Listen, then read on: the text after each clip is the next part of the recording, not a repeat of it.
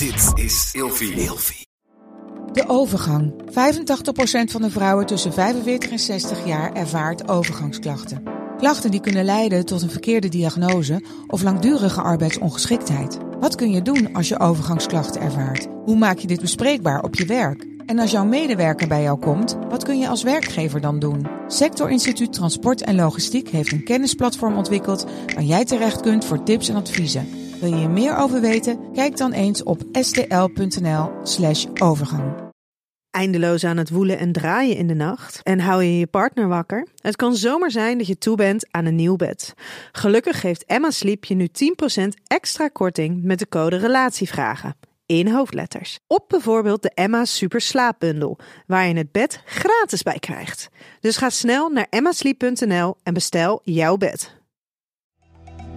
Hi, ik ben Elio Heres, orthopedagoog, seksoloog, consulent in opleiding en gespecialiseerd in genderdiversiteit. En vandaag beantwoord ik de volgende vraag. Wordt de seksdrive minder als je minder seks hebt? Nee, seksuele systeem is een aan-uit systeem. Dus als je minder met seks bezig bent, word je ook minder geprikkeld seksueel. Dus dan nou, word je, ben je daar ook weer minder met seks bezig. Dus de seksdrive zegt eigenlijk iets over de bereidheid om open te staan voor seksuele prikkels of stimuli of activiteit.